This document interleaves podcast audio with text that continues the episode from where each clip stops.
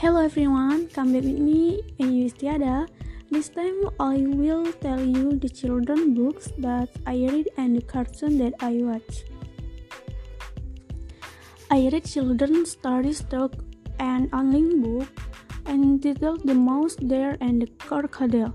The story tells of a deer who felt hungry and had to cross the river. With his anxiety, the deer approached the crocodile with the aim that the crocodile formed like a bread.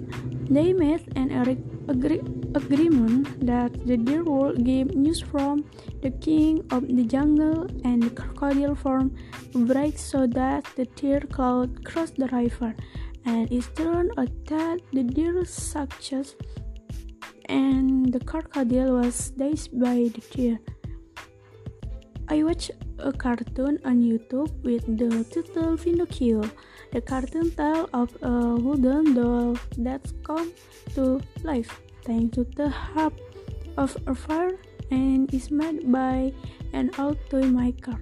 Pinocchio thought the old man was his father. Pinocchio lived life like a normal child.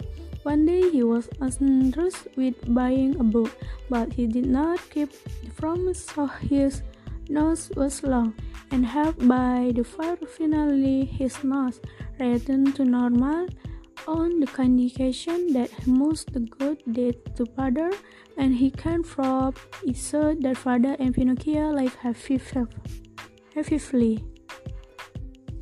Okay, that's the meeting this time. Until with me again. See you bye bye.